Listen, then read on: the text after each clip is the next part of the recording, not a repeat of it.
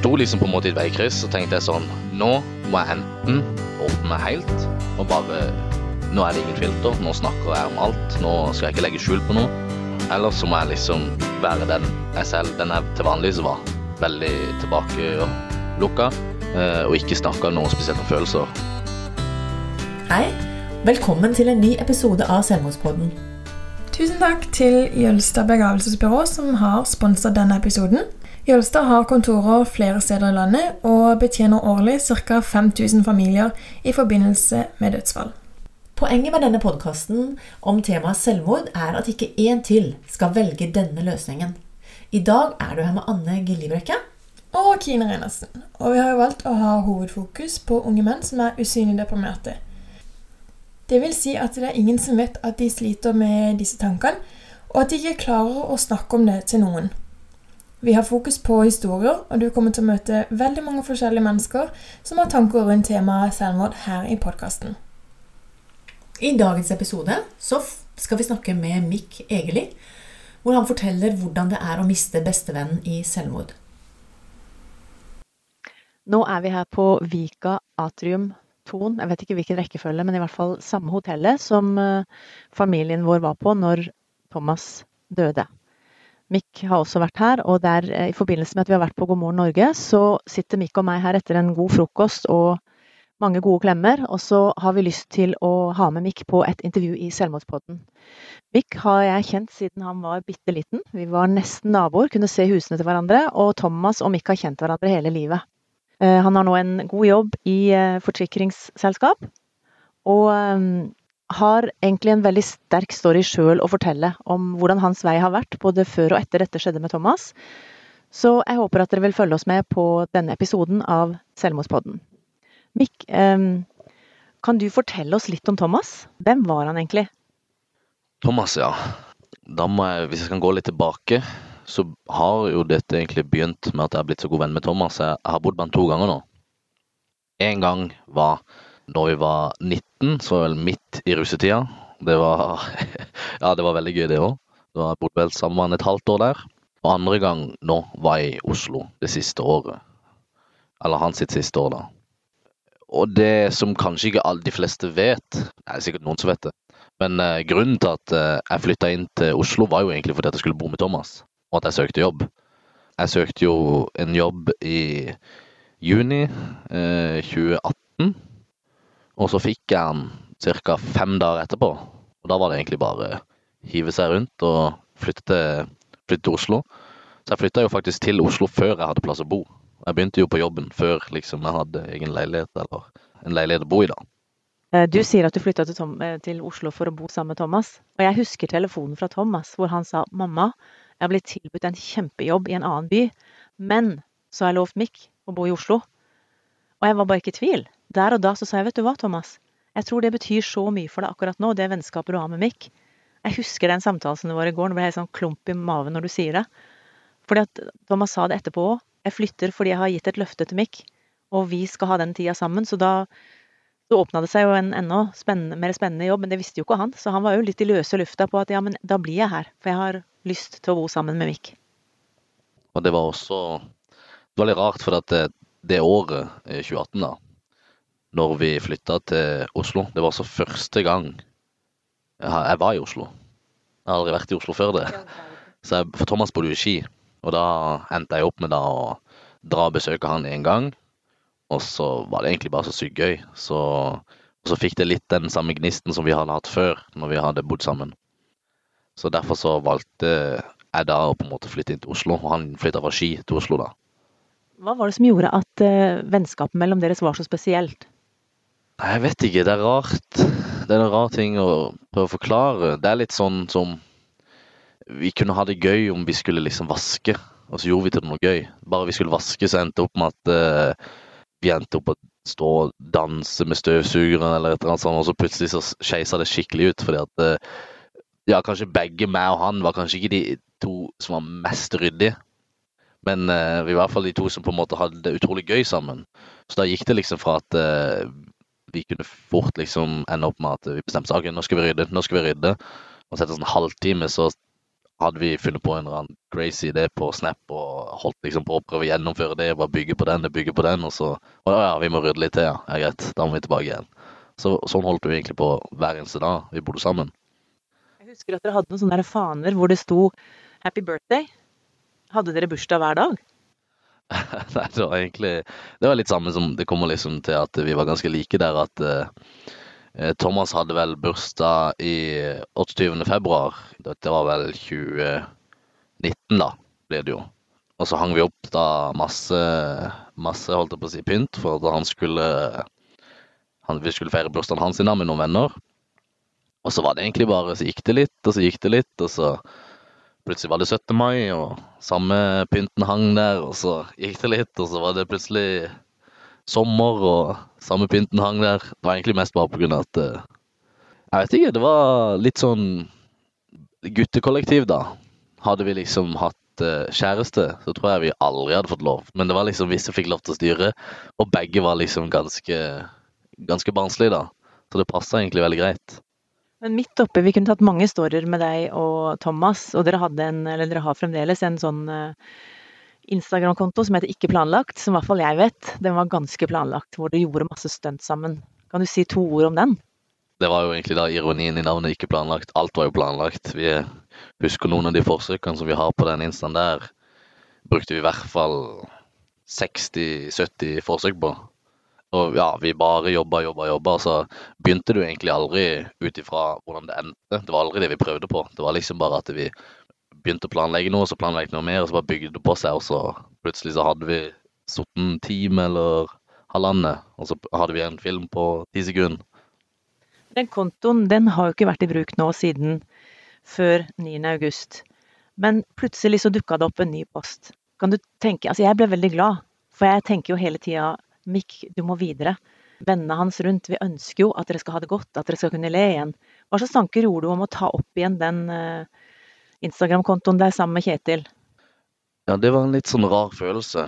Fordi at uh, den instaen var på en måte Eller jeg har oppdatert min egen, fordi at liksom, det har jo vært min. Men akkurat den instaen som jeg og Thomas hadde sammen, ikke planlagt, det var jo 100% bare oss. Ja, det var ingen andre. Alt var liksom vårt påfunn. Våre ideer. Så jeg vet ikke, det var litt sånn litt bittersøtt, da. Måtte, eller å poste, poste den, det innlegget. Men så følte jeg også på en måte at det, det var på en måte en liten sånn hyllest til Thomas igjen. Din humor er med oss, liksom, og du har satt dine merker, og du har liksom endra oss til det bedre. Og da ble det liksom på en måte en litt sånn ting som jeg hadde lyst til å legge ut, da, på grunn av at Eller Kjetil, han som er bommer nå, da. Det var jo en Thomas jobba med. Og han har jeg på en måte fått av Thomas, da hvem skulle trodd, liksom, når jeg flytta inn med Thomas, at uh, en eller annen gang så kommer jeg til å flytte inn med en han ikke hadde møtt før, eller ikke har møtt enda, og jeg ikke har møtt enda. Jeg møtte han jo for første gang i 2019, og så nå liksom bor vi sammen. Og alle disse nye, fantastiske vennene jeg har fått i Oslo, da, som jeg setter utrolig stor pris på. Det er bare litt rart å tenke på hvordan ting liksom bare endrer seg så kjapt. Kan du fortelle litt om hva som skjedde for din del den 9. august 2019. 9. august, ja. Det var jo en fredag. Og det siste jeg husker fra torsdagen, var at meg og Thomas hadde spilt et spill som het GTA. Sånn GTA Roleplay. Han var ganske fan av det. Og det var egentlig en utrolig fin kveld. Og så var det da det siste han sa til meg før vi la oss, var bare at ja, vi, snakkes i morgen, bro. Han brukte ordet bro ganske mye. Og så var det den fredagen, da, hvor uh, var på jobb. Jeg husker ikke helt hva jeg holdt på med, men så plutselig ringte det et nummer. da. Jeg tror ikke jeg hadde lagra nummeret ditt, så derfor så, så tok jeg telefonen da. Og så hørte jeg jo at du sa drev dere pranker. Og det var jo ofte noe vi gjorde, da. Vi tulla jo veldig ofte. Men så skjønte jeg ikke helt at kanskje det var noe vi hadde posta som var noe, noe, som ikke var godkjent, eller noe sånt. Men så sa du jo da at eh, Da begynte du å lange ut sånn hva at Thomas hadde sendt en e-post og hva som sto i den e-posten. Og da var det egentlig bare Ja, fra det, da du sa det, så var det 0 til 100, så skjønte jeg jo at uh, det her, her er noe galt. For jeg vet at uh, Thomas vil aldri tulle, i hvert fall ikke med deg, om noe sånn. Så da skjønte jeg jo at det var alvorlig, og da heiv jeg meg rundt for å prøve å komme meg hjem fortest mulig for å ja, finne han, da. hvis jeg har et problem, så skal jeg liksom finne løsninger på ting. Jeg skal ikke tenke over liksom problemet, jeg bare tenker liksom løsninger og sånn.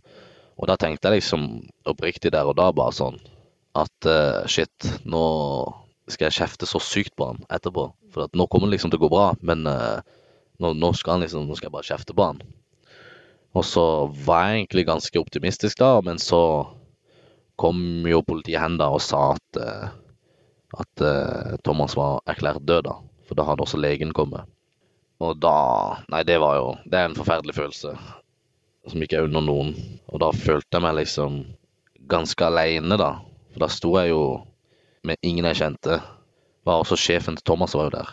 Og da husker jeg bare at eh, jeg følte liksom for at jeg måtte liksom Nå måtte jeg snakke med noen. Så husker jeg satt meg i, bak i bilen med sjefen til Thomas, og da sa han sånn at eh, hvis du vil ringe noen nå, så gjør du det. Du kan ikke sitte her helt alene nå med ingen du kjenner, og, og ikke si noe til noen. Så da tok jeg faktisk og ringte Magnus, og det er jeg også veldig glad for at han, han sjefen, da, Jon, eh, var der. Fordi at, eh, jeg vet ikke, var, han var utrolig flink i hvert fall med å holde, holde ro i det. Og jeg, jeg, jeg vet ikke om jeg har sagt, jeg har sagt det til han en gang, kanskje, men eh, jeg setter i hvert fall utrolig pris på akkurat det han gjorde for meg der.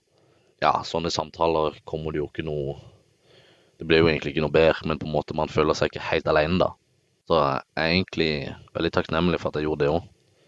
Men så kom jo det store problemet. Det var jo at politiet kom hen til meg og sa Vil du si det til Anna di? Så sa jeg ja, det kan jeg si. Så, ja, så tenkte jeg ja, det, det, kan jeg si, det kan jeg si. Det må jeg klare. Og så husker jeg du ringte og spurte, og så hadde jeg jo ikke sjans. Jeg klarte ikke å si det. Og da husker jeg jeg sa bare at nei, jeg visste ikke. Men da hadde jeg jo fått beskjed litt før. Så da Jeg vet ikke. Det var bare frøys helt i meg. Men det er kanskje noe annet når uh, mora til bestekompisen din plutselig ringer og spør uh, ja, hvordan går det med sønnen min? Jeg vet ikke. Ja, det var rart. Men uh, jeg hadde i hvert fall ikke sjanse å si det, da. Så, så de, dere ble vel oppringt? Ja, vi fikk bare beskjed om at vi måtte kjøre inn på en parkeringsplass, og da visste vi jo ingenting. Vi hadde vel på et eller annet tidspunkt fått beskjed om at de hadde fått puls. Så vi hadde jo det håpet. Vi ante ikke hva slags beskjed vi fikk, men eh, politiet skjønte jo at de måtte få oss til å parkere bilen, og at vi var en plass hvor vi kunne ta vare på hverandre. Så da, da blei det til det at vi stoppa på en bensinstasjon. Ja, og dagen videre utover det gikk egentlig på ja, det var som å holde på å si, være i en bilulykke. Skjønte ikke helt hva som hadde skjedd.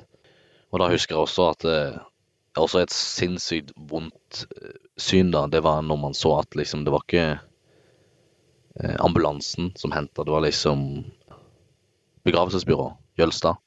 Da fikk man liksom også en litt sånn ja, det var liksom frem og tilbake. Man skjønte ikke helt hva som hadde skjedd, og så trodde man ikke på det, og så plutselig fikk man litt sånn real check, og så trodde man ikke på det, og så kom det bare egentlig i bølger. Og så dro jeg vel ned fra, fra dette da, stedet til uh, legevakta, og så begynte vel egentlig den prosessen med at uh, jeg hadde skjønt det, og så nå må jeg liksom fortelle til folk, da. Til venner som faktisk Eller til venner som bryr seg da, og sånn uh, måtte jeg liksom faktisk ta og, og, ringe og si det, fordi at jeg ville liksom ikke at de skulle bare plutselig høre det i forbifart. Jeg ville liksom at de skulle høre det fra, fra meg, da. De fleste jeg ringte, alle, begynte, alle knakk seg jo. Og det, det var også egentlig ganske forferdelig, ta disse samtalene hvor det bare For det, du begynner jo i en samtale med at liksom dette er, dette er grusomt, og så blir begge helt knust. Og så kommer man seg gjennom samtalen, og så får, legger man på, og så skjer det samme igjen. Sånn, ja, jeg vet ikke hvor mange jeg ringte, men jeg ringte ganske mange. Det gjorde jeg vel egentlig helt til, til dere kom. For da hadde jeg jo fått besøk av Bendik, eh, Lasse og, eh, og Peder samme dagen, da. Eh, for de var jo i, i, Oslo. Og da var det egentlig bare litt sånn Ja, de avlasta meg litt med at de tok noen samtaler og sånn, og så, så var det egentlig bare vi satt og snakka om hvor vilt hva, hva som hadde skjedd, egentlig. De skjønte det ikke helt selv. Etter noen timer så kom jo dere inn, og da var det en ny bølge med følelser. Det var jo da vi, dere kom inn til leiligheten, og så la dere i senga og sånn. Og... Da husker jeg bare det eneste som sto i hodet mitt, var at jeg måtte ha med meg puta hans. Det var liksom det mest verdifulle jeg kunne tenke meg. Jeg måtte bare kjenne lukta av Thomas. Nå har det gått fem måneder. Åssen har livet ditt vært liksom etterpå? Hvis du tenker sånn helt i begynnelsen, fikk du noe mer hjelp av noen? Eller hva var det som hjalp deg mest i de første ukene etter at Thomas var død? Det var venner. Vennene som har hjulpet meg mest. Jeg har jo fortsatt ikke hatt én psykologtime etter det som skjedde. Jeg vet ikke om jeg burde hatt det. Jeg burde sikkert hatt det. Jeg tror ikke det skader. Det skader ingen å, å snakke med psykolog. Men jeg kommer fra en litt sånn bakgrunn hvor man på en måte Jeg har aldri snakka med noen sånn spesielt om noe. Og da på en måte var det føltes veldig naturlig for meg å snu meg til, til vennene mine. På en måte å snakke med folk som faktisk sånn oppriktig bryr seg da, og vil hjelpe. Psykologer vil jo hjelpe, men de har liksom ikke den like affeksjonen mot meg, da. Og det var veldig viktig, da.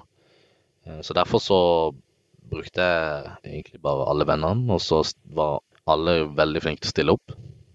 Jeg spurte fastlegen min etter en stund, for vi kavde jo og prøvde å få noen til å snakke med, vi også. Da sa hun at det har vært en del forskning på etter tragedier eh, hvordan man kan komme seg best mulig gjennom det. Og da sa hun det at de aller fleste som der det blir satt inn veldig mye sånn psykiatrihjelp med en gang, og psykologer og sånn, kanskje tar litt lengre tid, for det blir liksom kanskje satt på noen diagnoser og sånn veldig fort. Ikke for å si noe galt om psykiatrien, men, men hun sa hvis du har gode mennesker rundt deg, som er varme, som er glad i deg, som du kan være fullstendig åpen med, så er det det aller, aller beste. Ikke tenk til at du har gjort noe veldig feil hvis ikke alle ungene dine går til psykolog, eller hvis ikke du går til psykolog. Det går helt fint. Snakk med noen som, som bryr seg. Og det er jo akkurat det du gjorde. Ja, det var egentlig det det endte om å gjøre, da. Utgangspunktet mitt var jo at jeg liksom skulle Ja, nå tar vi noen psykologtimer, og så gjør vi sånn og sånn og sånn. Men så var det egentlig bare at jeg fikk eh, sparra en del eh, mentalt, da, med vennene mine. De første to ukene var jeg jo aldri alene. Jeg fikk alltid vært med. Jeg var ganske mye med, med, med Jon og sov hos han. Og det tror jeg egentlig var en sinnssykt stor forskjell fra, fra, liksom hvis jeg på en måte hadde endt opp med å sitte alene med tanker og sånn. Det hjelper bare litt sånn å forstå seg selv. Hvis du klarer å på en måte diskutere med noen eller snakke med noen, så kan du liksom si noe Jeg sa jo ting ut høyt, og så var jeg liksom sånn Mens jeg sa det, så tenkte jeg sånn OK, kanskje ikke jeg er helt enig med meg selv, og så tenker man liksom Man får liksom hjernen litt i gang, da. Det fikk jeg jo gjort da, med, i hvert fall spesielt med Jon, da, i, den, eh, i starten har egentlig gjort det samme med de andre vennene mine, som også vil snakke om det. da. Så jeg har vært veldig åpen og prøvd på en måte å, å ha en samtale og liksom si ting frem og tilbake, diskutere litt. Snakke litt høyt, sånn at jeg kanskje er litt uenig med meg selv fort. Så det har i hvert fall hjulpet meg ganske mye, og liksom fått meg til å ikke bare liksom tenke at det er et svar, men liksom søke litt svar rundt om alt. Ikke bare i forhold til hva som har skjedd, men liksom litt sånn veien videre og sånn. Følte du at du hadde et valg der du sto, liksom? At du kunne Jeg hadde litt sånn derre Nå kan jeg velge å bare hoppe ned i den mørke grav, altså grøfta som ligger der, på en måte bare være lei meg. Og bare konsentrere meg om at jeg har mista noe. Eller så kan jeg prøve å se litt rundt meg og se om jeg kan finne noe lys og noe varme og noe kjærlighet. Fordi at eh, det å hoppe ned i den grøfta Jeg orker det ikke. Jeg orker ikke å være der bestandig, og jeg tror det var det siste Thomas også ville. Og jeg tenker også at det blir liksom noe sånn fighting spirit inni det. På at uh, kan Thomas få en stemme videre, da? For jeg vet at han ønska å leve. Så blei det altfor vondt, altfor mørkt, og han klarte ikke å snakke om det. Og det er det jeg liksom kjenner Jeg hadde et valg. Har du tenkt på det, at du hadde et valg? Ja, absolutt. Det du sier er egentlig helt likt forhold til det jeg hadde. Det sto liksom på en måte i et veikryss, og tenkte jeg sånn Nå må jeg enten åpne meg helt og bare nå er det ingen filter, nå snakker jeg om alt, nå skal jeg ikke legge skjul på noe. Eller så må jeg liksom være den jeg selv, den jeg til vanligvis var. Veldig tilbakelukka, eh, og ikke snakka noe spesielt om følelser. Og da valgte jeg da bare at eh, jeg har ikke noe valg, nå må jeg, nå må jeg åpne meg selv. Og nå må jeg snakke om ting, og nå må jeg søke litt sånne der eh, samtaler og litt som jeg sa i stad. Og bli litt mer kjent med meg selv, da, og på en måte få andre til også å bli litt kjent med meg, da hvis jeg snakker om følelser med noen, så bygger man på en måte litt sånn tillit med de òg, da. Man får liksom litt sånn dypere bånd, begge to. Og det tror jeg absolutt den der eh, å være og slippe inn noen til å liksom være ganske nær. Jeg tror det er en utrolig fin ting i forhold til liksom hvordan man også ser selv på ting. Så ja, jeg tok, eh, jeg tok egentlig et valg om at uh, dette klarer jeg ikke alene. Som jeg alltid har tenkt før. At en sånn enmannsjobb, holdt jeg på å si. Jeg klarer alt selv. Men så tenkte jeg egentlig da at uh, dette er best å ikke gjøre alene. Og i hvert fall i forhold til det som hadde skjedd med Thomas, da, så er det at han holdt ting inne, så vil jeg på en måte vise litt respekt for på en måte det han sleit med, da, og så kanskje prøve å klare det selv. Til slutt så informerer vi om hvor dere kan ringe eller eh, sende SMS hvis dere trenger noen å snakke med. Da har vi Kirkens SOS og Mental Helse, som begge er døgnåpne krisetelefoner. Eh, De har også chattefunksjoner. Så har vi leve.no, som er landsforening for etterlatte ved selvmord. Så har vi også legevakta, som du kan ringe på 116 117. Og så til slutt så har vi Kors på halsen, som er via Røde Kors, som er en lavterskel samtaletelefon for barn og unge under 18 år. Og da gjenstår det bare å si tusen takk for at dere var med oss i dag, og så håper vi at vi høres igjen neste gang.